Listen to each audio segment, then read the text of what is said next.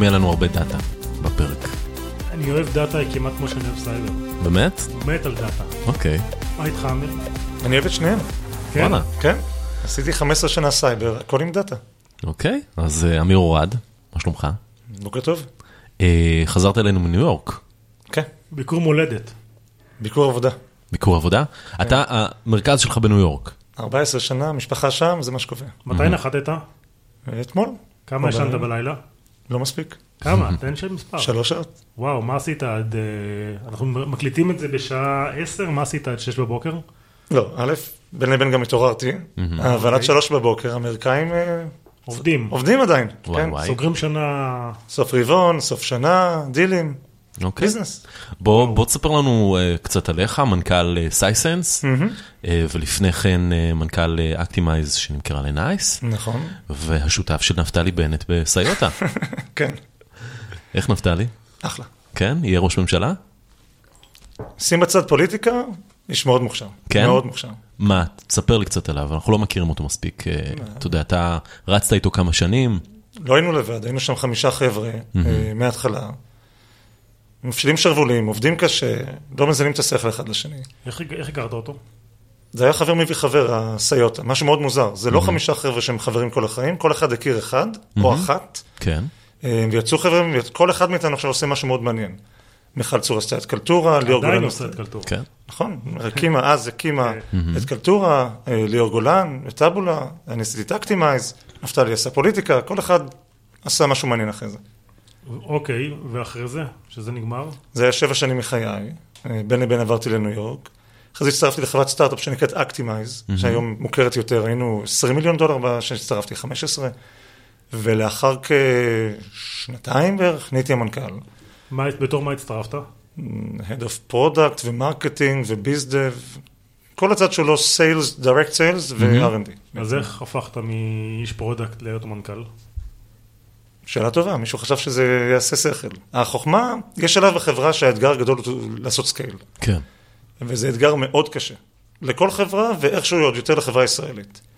למה, ו... ל- למה חברות ישראליות תמיד, יש כזה, יש כזה premise שחברות ישראליות לא יודעות לעשות scale. א', ה premise הזה הולך ונחלש עם השנים. עובדתית, יש יותר חברות טובות שעושות scale, החל מפיוניר ועד אאוטבריין, החל מטאבולה ועד גט, יש, יש הרבה. אבל כלומר, הכוח, כש- כשאתה אומר scale, לכמה אתה מתכוון במכירות?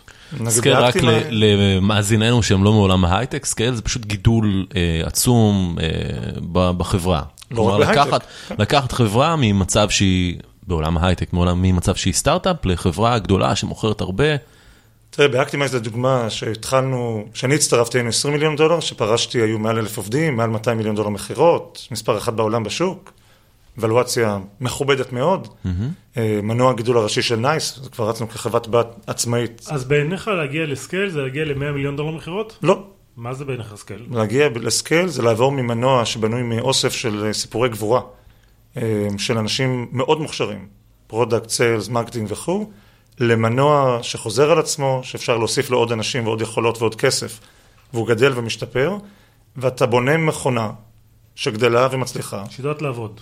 כן, לעומת אוסף אנשים סופר מוכשרים, זה הבדל בין קומנדו ל... כן, יש... מושג, לא הייתי בכיר, אבל מה יש- שיש מעל קומנדו, איפה היית? מודיעין, מודיעין. כן, שש שנים. לא מעט, אתה יודע, זה- יש תמיד בסטארט-אפים ישראלים יש סיפורי גבורה על האיש מכירות, הקארבוי שמגיע ופורץ את הלקוח, אז אתה אומר, ברגע שעוזבים את הסיפורי גבורה ועוברים בעצם מכונה, מפעל, שיודע להכניס כסף ויודע כמה עולה לו אה, להכניס את הלקוח ויודע להבין מה התהליך, אז בעצם שם מגיעים לסקייל? זה מימד אחד ואולי טיפה אפילו שטחי. ההבדל הגדול הוא, אה, אי אפשר להקים סטארט-אפ בלי אוסף של אנשים מאוד מוכשרים שמאלתרים כל יום, בטח סטארט-אפ ישראלי, להילחם דוד נגד גוליית, צריך למצוא אבן, אחרת הוא לא יצליח. אבל אם יש לך 100 גולייתים, גם הוא אבנים, צריך למצוא משהו יותר סטנדרטי. והאתגר הוא לעבור מאותם אה, סיפורי יחידי סגולה, cowboys, ב sales זה נקרא cowboys, ב product managers, יש אחד שמבין את הכל אבל הוא בנית מכונה סביבה. pre-sale, הכל הולך לאותו בן אדם, המוצר לא עובד אם לא מחזיקים שלושה חוטים בלילה ככה, אתה מאחורי הקלעים. וזה מעולה, זה הכרחי, זה קריטי, אבל לבד זה לא יביא אותך למשהו הרבה יותר גדול. אבל למה- בלי זה אתה מת, אז אה, כן, שלא נזלזל בקריטיות. כשנייס נכנסו לאקטימייז, כמה מכירות היו? לא יודע, 20 וטיפה. ולמה מכרתם? אמ, סיבה עיקרית, כי הייתה הבטחה בזמנו של אה, חיים שני, שעמדו בה, שאקטימייז מנכ"ל, תרוץ, אה, מנכ"ל נייס, שאקטימייז תרוץ כחברה עצמאית, והבטחה קוימה עד הסוף. חברה עצמאית, brand נפרד, מכירות נפרדות, R&D נפרד, משרדים נפרדים, מורשי חתימה נפרדים, מנכ"ל נפרד, והיופי הוא לבנות מנוע צמיחה שגם עוזר לנייס כחברת האם, אבל גם מעביר את נייס לעולם מודרני של analytics ו big data, שהיום נייס מאוד מאוד מעורבת בו, ואני מניח שהאקטימייז עזרה להעביר DNA ויכולות ושיטות עבודה בין שתי החברות. בכ- בכמה אקטימייז נמכרה? באמת, אני אפילו לא זוכר, 300 ומשהו. ועל מכירות של אה, 20 אמרת? מספר מדויק? סדרי גודל. לא צריך, אף אחד לא... לא, לא, אני עברו, לא יודע, ש- תשע שנים, עשר שנים, 11 שנה, תראה איך הזמן עובר שנהנים. מה לעשות. אז אוקיי, ומה מאז? ואז עשיתי שמונה שנים את הדבר הזה, בנינו צוות מדהים, מדהים, באמת, צוות אחד מהכי טובים שעבדתי איתו בחיים. ובנינו חברה מספר אחת בעולם. כל Actimize עשתה monitoring, big data analytics, לכל טרנזקציה פיננסית שנייה בעולם. לצורך מה? למצוא הלבנות הון, גניבה, אה, מסחר מידע פנים, על- אה, מימון טרוריסטים מאפגניסטן של פיגועים, כל מה שקשור לפשיעה פיננסית. ונהייתה הכי טובה בעולם, וזה יוצר גאוות יחידה מטורפת. וניצחנו את אורקל ואת אה, אה, SAS וכל החברות הגדולות. ואחרי שמונה שנים הגיע הזמן לדבר הבא. עבר חברה גדולה, אלף עובדים, הכל עובד טוב, כיף לא נורמלי. ביום שאתה מתרגל זה הזמן לעזוב בעיניי. אז איך התגלגלת לסייסנס? אז לקחתי חצי שנה של ניסיון לא לעשות כלום, נכשלתי לחלוטין במשימה. כמה זמן החזקת?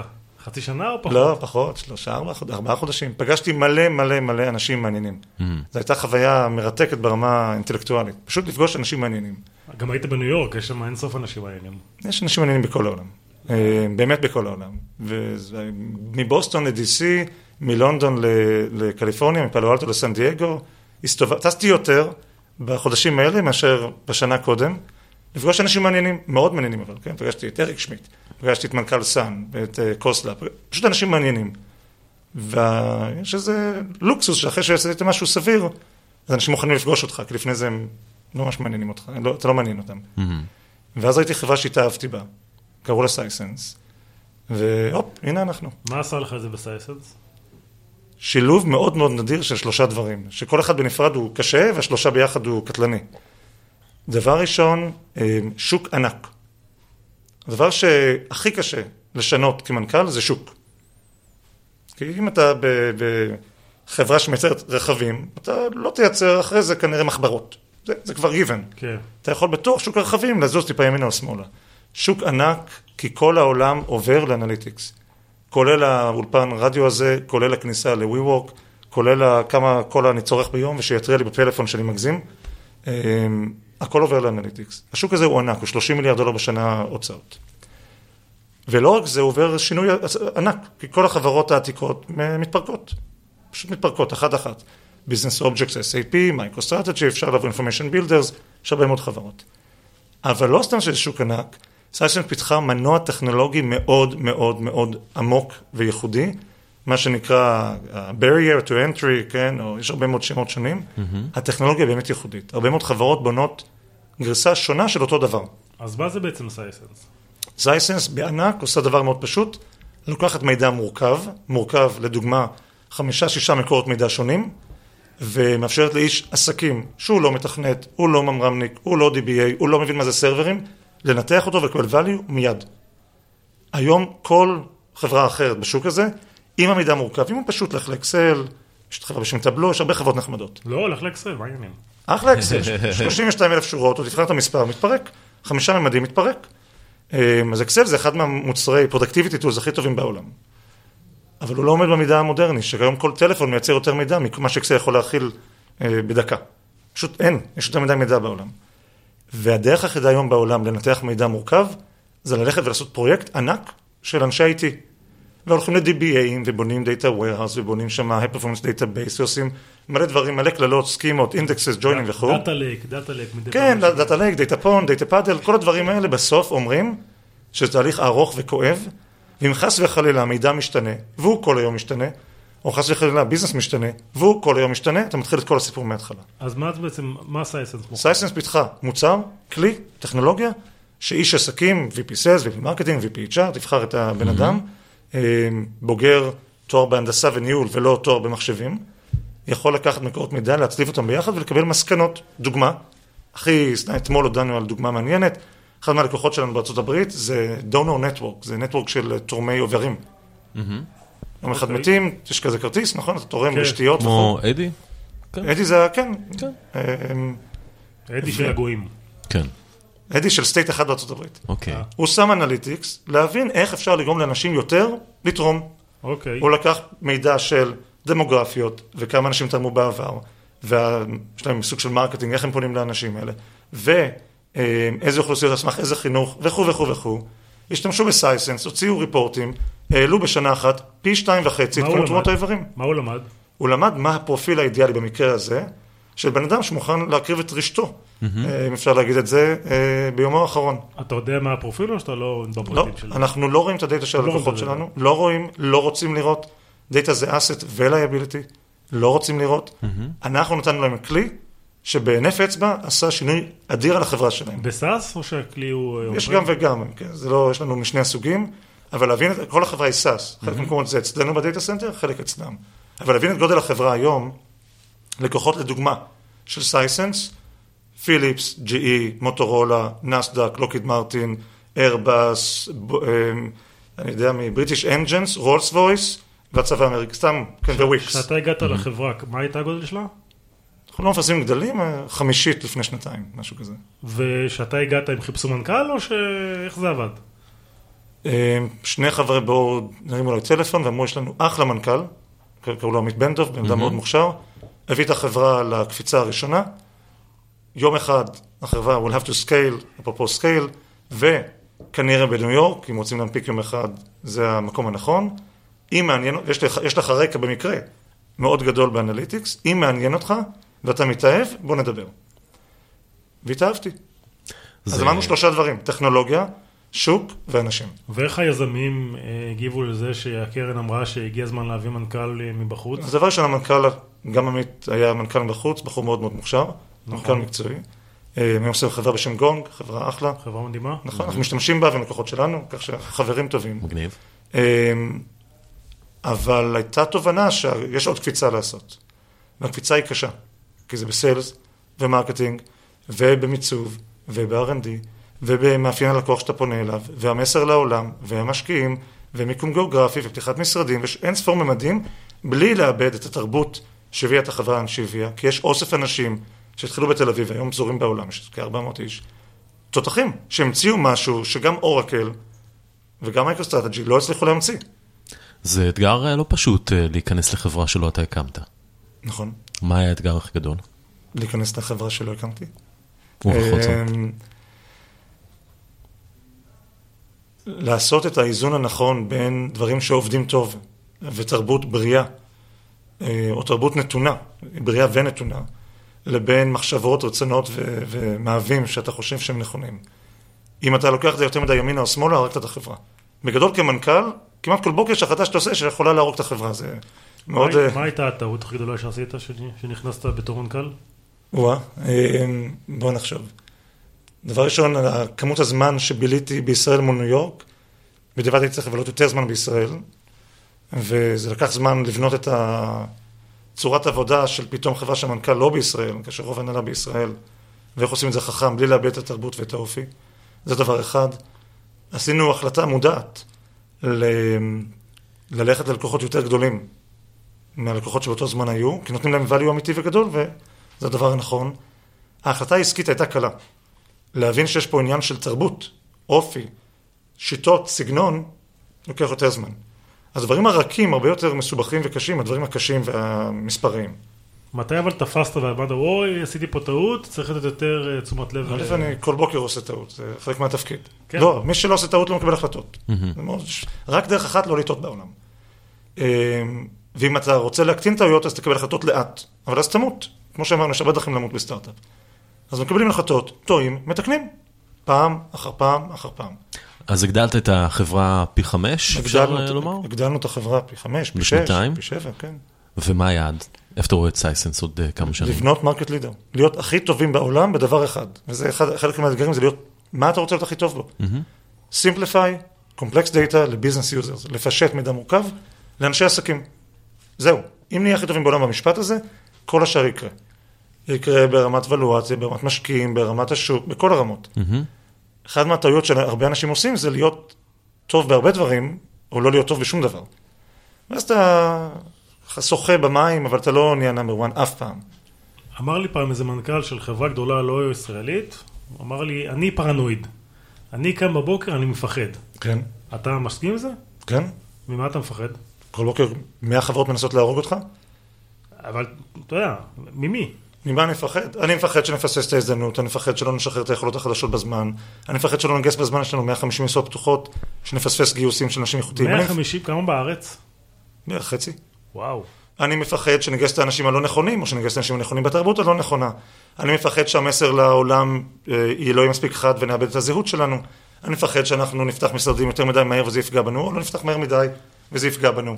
אני מפחד שמתחרה שלנו יעשה מהלך שלא צפינו, או שיעשה מהלך שצפינו יותר טוב ממה שצפינו.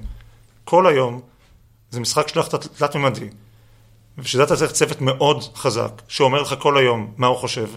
אחת מהטעויות שראיתי בהרבה חברות זה לבנות צוות של yes men ים, זה מאוד נחמד כביכול, אבל זה, זה עושה לך crippling טוטאלי כמנכ"ל. צריך צוות שאומר לך כל בוקר, אמיר, אתה עושה שטויות. היה לי ויכוח בוקר היום עם בחור. גם מאוד אמריקאים מוכשר. אומרים לך את זה? אה, יותר קשה לגייס אמריקאים פתוחים ברמה הזאת, בעיניי זה קריטי. הם גם לא שורדים אחרת. כן, ישראלים, הדיפולט שלהם זה להגיד לך, אתה עושה ברור. שטויות. אבל אמריקאים? וא' זה דבר מאוד מאוד חשוב, ובעיניי עוזר לחברות להצליח. אגב, גם ניו יורקרים יותר פתוחים בזה מאנשים בשאר ארצות הברית. כן. בדרך כלל זה גם בא עם קללות, אה, במנהטן. אתה יודע, קללות, מה אכפת לנו? לא, לא אכפת לי, אני למדתי לשנות את הלקסיקון. כן. אז אתה אה, שנתיים אה, מנכ"ל סייסנס, זה אומר שעוד שש כמעט שנים שלוש. תחפש את האתגר הבא, ומה הוא יהיה? עד עכשיו אני רק עושה מרחקים ארוכים, שש שנים מודיעין, שבע שנים סיוטה, שמונה שנים Actimize. אז אם אתה הולך ב pattern הזה, אתה יודע, כבר נהיה בתשע. אני נהנה לעבוד עם צוות טוב ולבנות משהו מדהים. אתה עוזר גם לחברות סטארט-אפ אחרות, או שאתה ממוקד 100% ב Sisense? אני עוזר מעט, שניים, שלוש בשנה, אמ, וגיליתי שאני לומד מזה המון. איך איך אתה בוחר אותם? רגע, מה זה אומר עוזר? משקיע בעצמך, או טיפה אה, משקיע, יש אנשים, הרבה יותר טובים ממני בהשקעות או בהרבה כסף. כן. כן, קח את קרמר, הוא אגדה מהלכת על היכולת שלו לזהות ולהשקיע. שלמה קרמר. כן. מהמם. אמ, עושה עבודה מדהימה בזיהוי הזדמנויות. אני עוזר לאנשים שאני מאמין בהם אישית, ויש לי איזשהו value לתת להם, אחרת זה בזבוז זמן שלהם ושלי. אמ, אז או שהם בתחום רלוונטי שנגעתי בו, דאטה, finance או סייבר, מהמם. שלושת העולמות שבאתי מהם, או פשוט חברה שצמחה מהר. ומכיוון שעשיתי כבר מיליון טעויות, אפשר לפחות לחסוך להם שתיים, שלוש. אבל זה ה... אתה יודע, אני רואה הרבה פעמים יזמים שהם צריכים לעשות את הטעויות האלה בעצמם, גם כשאתה נכון. אומר להם, תקשיב, יש שם בוץ, אני אחד מהם, כולנו. נכון. אתה הולך, אומר, אחרי זה אתה חוזר, וואלה, באמת היה שם בוץ. נכון? לומדים מהרגליים, זה עובד כן. מהילדים שלי, שאין מה לעשות, עד שהם לא חווים לבד את הכאב, עושים שטויות, וגם אני כמנכ"ל, ככה לומדים. אז שלוש חברות בשנה? אמרת משהו מנסה, כזה? כן. ספר לנו על אחת מהן. בוא נספר על אחת שהייתה, זה היה פומבי, כי לא הכל פומבי. אה, BillGuard, חברה של ירון סמיד ורפאל, חברה מאוד מעניינת. אה, מהיום הראשון עוד שנבנה הצוות, נוצר קליק. מישהו שמכיר מישהו אמר, לכו דברו, אולי יהיה משהו מעניין. ולמה? כי יש שם מוצר בתחום ה-Financial Services, mobile app ו analytics. ועבדנו ביחד מלעזור להקים את הצוות ולחבר את ה network של אנשים מוכשרים, וכלה בלנווט את החברה. הם עשו 99.9% מהעבודה, אני פשוט הפרעתי טיפה. מה, היית ונתתי board. member או מה היית שם? כן, שם הייתי board member ממש, כן. ומה קרה שם עם החברה? החברה בסוף נמכרה, אה, החלומות היו יותר גדולים. אה, כן, לא אקזיט מאוד גדול. נכון, אקזיט בינוני. אה, בוא נגיד שמי שעבד שם בנה מוצר מאוד מרשים. השוק וה... ולאן שהוא התפתח היה טיפה שונה ממה שהחברה תכננה. עשו execution טוב, app שהיה number 1 ב App Store בהרבה מאוד מקרים. אה, וכן, הייתה אקזיט בינוני. והם הבינו, כלומר, המכ- שהמכירה שם הייתה, זה היה מכירה אה, מאין ברירה, או מכירה שהגיעה הזדמנות טובה? אז... לא, צוות מוכש... צוותים מוכשרים, גם כשאין ברירה, יש ברירה. אנחנו בסיוטה חמש פעמים כמעט מתנו, ברמה של... אה, מתנו זה לא היה כסף לשלם משכורות, פעם. אחת פיטרנו 80% מהעובדים לפני 15 שנה, אה, פעם אחת התחננו לסבתא של אה, בן אנוש אה, לתת טיפה כסף כדי לשרוד. יש הרבה מאוד צמתים ש... שוב, יש הרבה דרכים להרוג סטארט-אפ. הבחירה בזמנו הייתה של, של הצוות, של ירון ורפאל, אני מכבד אותה. נהיו חלק מחברה מאוד מעניינת הברית בתחום, שגם הייתה החלטה מעניינת. אה, זהו, החלטה שלהם. הם התייעצו איתך מה לעשות? קיבלו אינפוט, כן. האם זה מה שדחף את ההחלטה ימינו שמאלה? לא. מה מה המלצת להם לעשות? זה לא רלוונטי. אבל בכל אה, אפשר זאת, לנחש שהמלצת להם לא למכור. לא, לא, ממש לא, לא, לא בא משם, פשוט, זה, זה, לא, זה סתם פיקטריה, זה לא קשור. יודע- הראיתי להם, אני אגיד לך מה עשיתי בעיקר, הראיתי להם את העץ החלטות שאני רואה עם הניסיון שלי, איך נראה החיים יום אחרי, אם נהיים חלק מחברה גדולה, איפה להתעקש, איפה לא, מה האלטרנטיבות, יותר מראה מעצה. הבנתי, עזרת להם לקבל את ההחלטה הנכונה, מבחינתם. לא, עזרתי להם להבין את האופציות בצורה של מישהו שנחווה מספיק פעמים, כדי להבין את היתרונות והחסרונות של כל מהלך. מה הדבר הכי חשוב שאתה חושב שאמרת להם בתהליך הזה? יש לנו יזמים שמאזינים, שמקבלים הצעות אה, למכור בשלבים בדרך כלל אה, מוקדמים, בדרך כלל אחרי round A, יש איזה שלב של החברה שיש לה איזושהי הצעה יחסית נמוכה. נכון. acqui-hire. כן, acqui-hire, והחברה צריכה להחליט אם היא עושה את זה או לא. אני מאמין אישית, אחד הדברים שלמדתי מהר מאוד, שמה שנכון לי לא נכון למישהו אחר. אני אישית מאמין מאוד בלבנות business אמיתי. אנחנו רואים את זה. אבל אתה יודע, עדיין, יזם- לא, אז כבר לקח ראשון שהיה לי, זה שאני אוהב את זה לא אומר שמישהו אחר רוצה את זה. אז לדוגמה, שימו את עצמכם בנעליים שיש לכם 500 עובדים ומשקיעים על הראש ואולי דוח בורסאי בבורסה, עושה לכם טוב או לא טוב? כי אם לא, זה כבר מכוון לאיזשהו כיוון, נכון? מה אתם רוצים, מה, איזה נחלה, איזה ירושה אתם רוצים להשאיר מאחורה? מוצר, צוות, השפעה על שוק, להיות ה innovators הראשונים ולעבור לדבר הבא. כל בן אדם הוא שונה, וזה לקח לי מאוד זמן להבין שאין נכון, לא נכון. יש סט אפשרויות ויש סט מאהבים של אנשים. צריכים להתאים אחד לשני. איזה מין יזם אתה? אמ, איזה מין יזם אני? פרגמטי. אני אוהב לחלום, אבל אני לא טוב בלחלום דברים קיצוניים מדי. מהמם. מאוד אוהב אנשים מוכשרים, אמ, ושיותר חכמים ממני. פשוט, כי זה עושה אותי יותר טוב ברמה הכי... זה אחד מהדברים שהיו עם נפתלי מהיום הראשון שעבדנו, והוא הביא את זה כנראה מהרקע הצבאי שלו. אחרי כל פגישה ביחד, ועשינו שבע שנים פגישות ביחד, כולל אה, לישון באותו חדר במלון כי לא היה לנו כסף, ולהבין את העוצמה. אחרי כל פגישה היה פנקס שחור לשנינו, קטנצ'יק, כל אחד כתב את הפידבק לשני, חמישה דברים לשפר. לא היה שום דבר טוב שעשינו, בהגדרה. מה שעשו יותר טוב לפעם הבאה. ועוד פעם, ועוד פעם, ועוד פעם, ועוד פעם.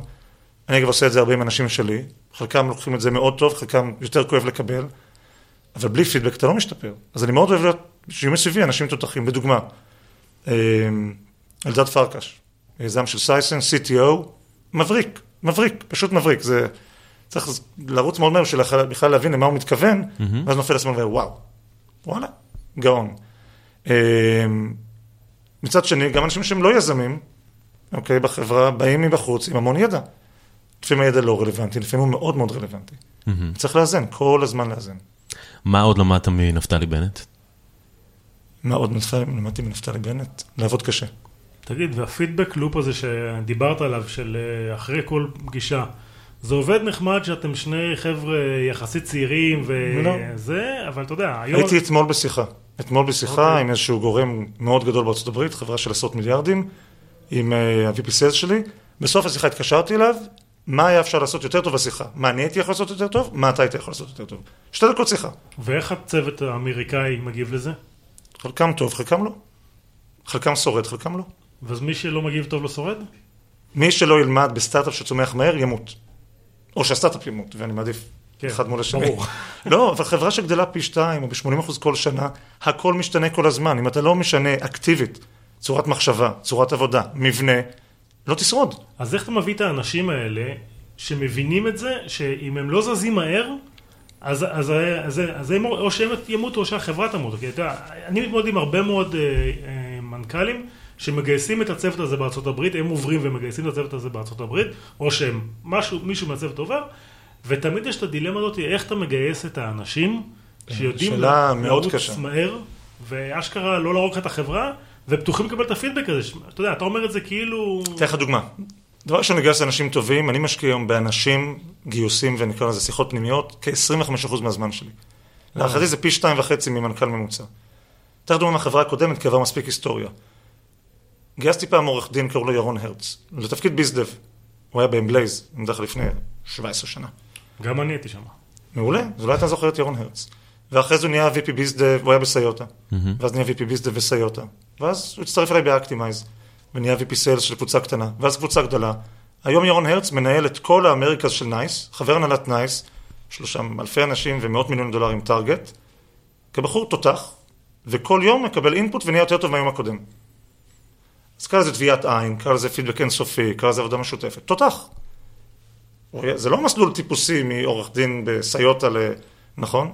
נכון. אמ, אז לגייס בעיניי, לגייס אנשים עם פוטנציאל גבוה ויכולת קבלת פידבק, מאוד מאוד חשוב. יותר חשוב הפוטנציאל מאשר הניסיון? אם אתה גדל מאוד מהר, אז הניסיון יהיה לא רלוונטי מהר מאוד. אם אתה מגייס מישהו מאוד מנוסה לפני הזמן, הוא ימות כי הוא לא מספיק מחובר לעם. אם אין לו מספיק ניסיון, אוקיי, אז הוא יסתדר בזמן הנוכחי, אבל לא ישרוד את הגידול עוד שנתיים. אז אתה חייב שילוב. מה, מה אתה, אתה מראיין, בוא, אתה מראיין אותי עכשיו, אני מראיין אותך. מה אתה מחפש בי בשביל לדעת אם אני מתאים לחברה? רעב, אינטליגנציה, עניין אמיתי במה החברה עושה. אני מראיין מישהו, ואם הוא לא הוריד את המוצר, ניסה להשתמש בו, ושואל אותי שאלות חכמות, הוא כבר לא מתאים. הוא הולך להשקיע חמש שנים מחייו בלי לעשות את ה basic שיעורי בית, זה, זה בזבוז זמן שלו ושלי, נכון? גם אנשי business שמבחינתם מסתכלים על הרבעון הבא, מה לעשות? compensation, גם עליהם אותם... אה, גייסתי עכשיו בארה"ב VP sales, בחור מאוד מוכשר, היה ב Salesforce שמונה שנים, אמ, אבל יש לו רקע במדעי המחשב, היה איש presale לפני 15 שנה, שאל שאלות לעניין, בא עם רעיונות, הצגתי לו את התוכנית של, דוגמה מעולה, הצגתי לו את התוכנית השנתית. הוא אמר לי, אני חושב שזה לא נכון, זה לא נכון, זה לא נכון. חמישה מועמדים אחרים אמרו לי כמה הכל טוב וכמה אני מנכ"ל מהולל. אז אותם לא גייסתי. הבנתי. כי מה זה יעזור למישהו שיגיד, אני יודע מה אנחנו עושים, אבל ש... צריך לשפר. הבנתי, אז אתה... ו... אבל כל שלב בחברה, שוב, אין פה pattern סטנדרטי, אין פה template סטנדרטי, כל שלב שונה. כל שלב שונה. לא, אני לא רוצה שמישהו יעתיק את ה template ויגיד, או, זה מתאים. אני לא חושב שנתת פה template, אז אין מה להעתיק. מעולה, אז אז עשינו עבודה טובה. משתדלים, אז uh, כמעט נגמר לנו הזמן. אז אביב, יש לך שאלת uh, ראש הממשלה? שאלת ראש הממשלה, אה, אתה יודע, אם מדברים על... כן, בדיוק. הוא יהיה ראש ממשלה? אין לי מושג, תשאל אותו. טוב, ואם היית צריך להוציא עכשיו את הפנקס השחור הזה ולחלק לו חמישה ציונים, מה היית רושם? אז אני אשב איתו אישית ואתן לו אותם. טוב, אוקיי. לא, אתה בונקר, אה? שום דבר, לא תוציא, לא לא נוציא כותרת. עשה עבודת קודש בסיוטה, כל מי שעבד איתו, כולם מעריכים אותו כבן אדם. עכשיו זה כבר פוליטיקה. אוקיי. אני מניח שאתה לא שותף לדעות הפוליטיות שלו. 14 שנה בארצות הברית כבר למדתי מאוד אה, להיזהר, לא להסתנוור מהצד. אתה רואה, למדתי פוליטיקה. כן. נשמע, אני מנסה לחשוב איך אני שואל אותך איזו שאלה שאני כן מפיל אותך על משהו קשה. בהצלחה. אה, טוב, אז אביב, אני חושב שמה שלמדנו זה שבסוף כל פרק אנחנו נקנה פנקסים שחורים, כן, חד- חייבים שחורים. ובסוף כל פרק נרשום אחד לשני חמש דברים אה, שצריך להשתפר. אמיר, אני אגיד לך שדבר אחד שאתה צריך להשתפר זה לדבר יותר קרוב למיקרופון, פעם הבאה שאתה מגיע. אני מיד אעשה את זה. אה, אוקיי, מעולה. אז נבקש מהילה בר המפיקה שלנו לארגן לנו אה, פנקסים שחורים, ונגיד לה תודה. ותודה רבה לנבות וולק, וכמובן לאמיר אורד, מנכ"ל Sisense, שהיה איתנו ב-30 הדקות האחרונות. בכיף. ותודה לאביב פרנקל. ביי ביי. ביי.